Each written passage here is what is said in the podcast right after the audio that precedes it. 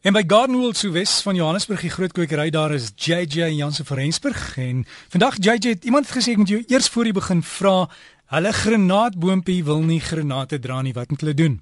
Môre môre Derek. Ja nee kyk dit is eintlik baie interessant want Ongelukkig weet mense glad nie wat is die verskil tussen 'n vrugdraende granaat en 'n blomgranaat totdat hy fisies begin vrugte dra nie.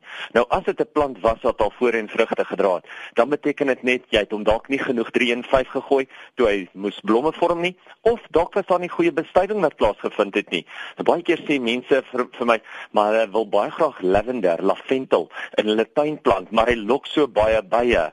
Nou dit is die tipe van ding wat 'n mens eintlik moet plant naby aan jou vrugtebome, naby aan jou granaatboom, naby aan jou groentetuin waar jy wel daai bestuiving nodig het sodat daai bye hulle werk kan doen. So dit is net maar twee goedjies wat jy kan doen en natuurlik die ander een wat jy kan doen is jy kan 'n klein bietjie aluminium sulfaat om die bome gooi. Nou aluminium sulfaat is eintlik baie interessant vir ons as kwekerye of tuiniers Ehm um, dit help natuurlik om die grond baie suur te maak. Baie mense vra, "Hoe kan ek my grond suur kry?" En een van die beste maniere om hom op sy suurste te kry, is natuurlik aluminiumsulfaat. En 'n granaatboom hou daarvan. Maar wat die aluminiumsulfaat vir ons ook doen, is dit gaan natuurlik maak dat ons Kersrose, ons hortensias mooi donker donker blou blomme gee. Nou baie mense vra altyd, wat is die verskil tussen daai pink en daai blou blomme? Is die pink alkalis en die blou suur? Nee, jou pink is suur, maar jou blou is baie meer suur. So, dis hoekom ons altyd 'n suurdeklaag om die plante moet gooi en dan natuurlik as jy wil hê moet mooi pink wees, kan jy die gewone pink um Kersroos kos gebruik en hy sal hom mooi pink maak. Hy gaan hom net effens suur maak. Saam met hy deklaag gaan hy hom voer, maar die aluminiumsulfaat gaan maak dat hom lekker donkerblou maak. En dit is ook iets wat mense nou moet doen omdat al jou plante nou mooi in blom gaan wees. So dit is hoe jy kan maak dat jou granaatbome gaan blomme kry. Gaan vrugte, gaan vrugte dra, jammer. Ja, jy sê ander ander ding wat ek gesien het hierdie tyd van jaar, die vinke maak nes as dit uit die môre gaan. Ek het by my een wat elke jaar 'n dubbel verdieping maak. Jy weet al die nesies is mos rond. Hierdie een, ek weet nie of hy meer as een vrou het dalk nie, maar hy maak hom so lank, maar dit hou nie lank nie, so so 5 dae se klas dan dan rukkel hom uitmekaar. Ja, nee, daar definitief. Nou, die raak nie eintlik woedend want maak nie saak hoeveel plante hulle in 'n tuin het nie, jou vinke sal altyd 'n boom kies, die blare afstroop en natuurlik dan 'n nes maak aan die einde en soos jy sê, dan op die einde van die dag, dan word dit baie keer net uitmekaar uitgebreek. Dan vra mense, wat kan hulle doen met daai vinke? Hoe kan hulle van die probleem ontslaa raak? Nou ongelukkig, as die vinke eers besluit het om in 'n boom nes te maak, dan sê jy daai takke gaan afsny, gaan dit vir hulle 'n ideale plek wees om nes te maak. So, gewoonlik wat ek vir mense sê as hulle vir my sê, "Man, die vinke is besig om hierdie boom van my te verwoes," dan sê ek vir hulle plant 'n tweede boom, want dit is omtrent die maklikste wat jy nog gaan seker maak dat jy 'n mooi boom gaan hê. Onthou hulle doen dit natuurlik om veilig te voel. Maar die ander ding is, soos die vinke daai nesse bou, verwoes hulle baie keer veral jou palmbome.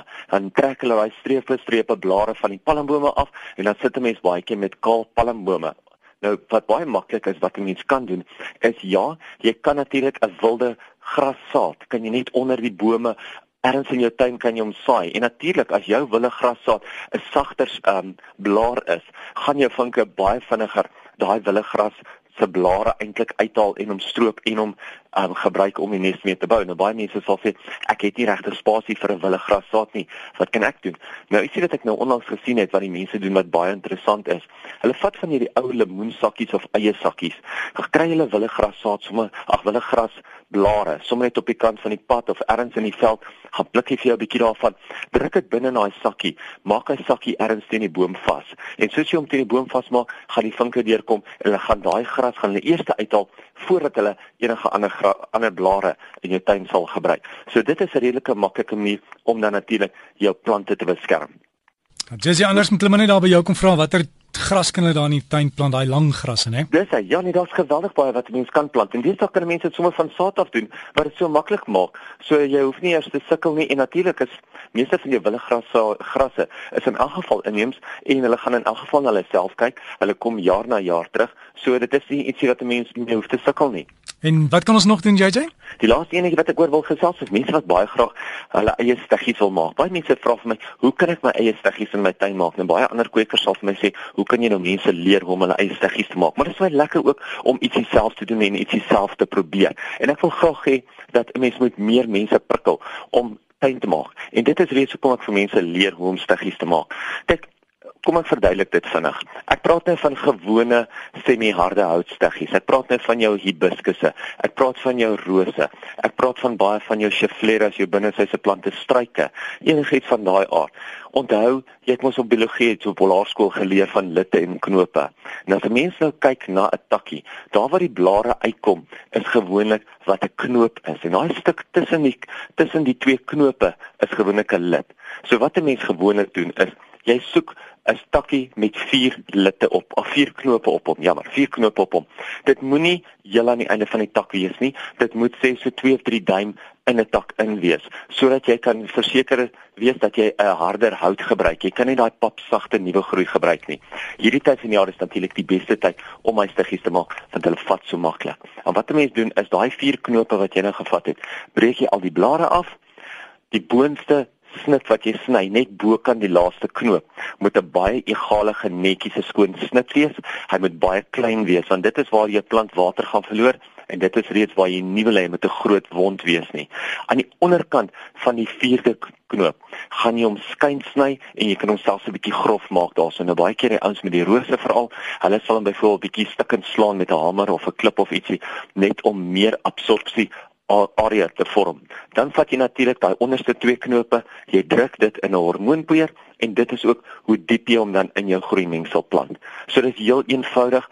Jou groeimengsel bestaan gewoonlik uit so 'n helfte helfte riviersand en palmveen. So wat mense doen is jammer.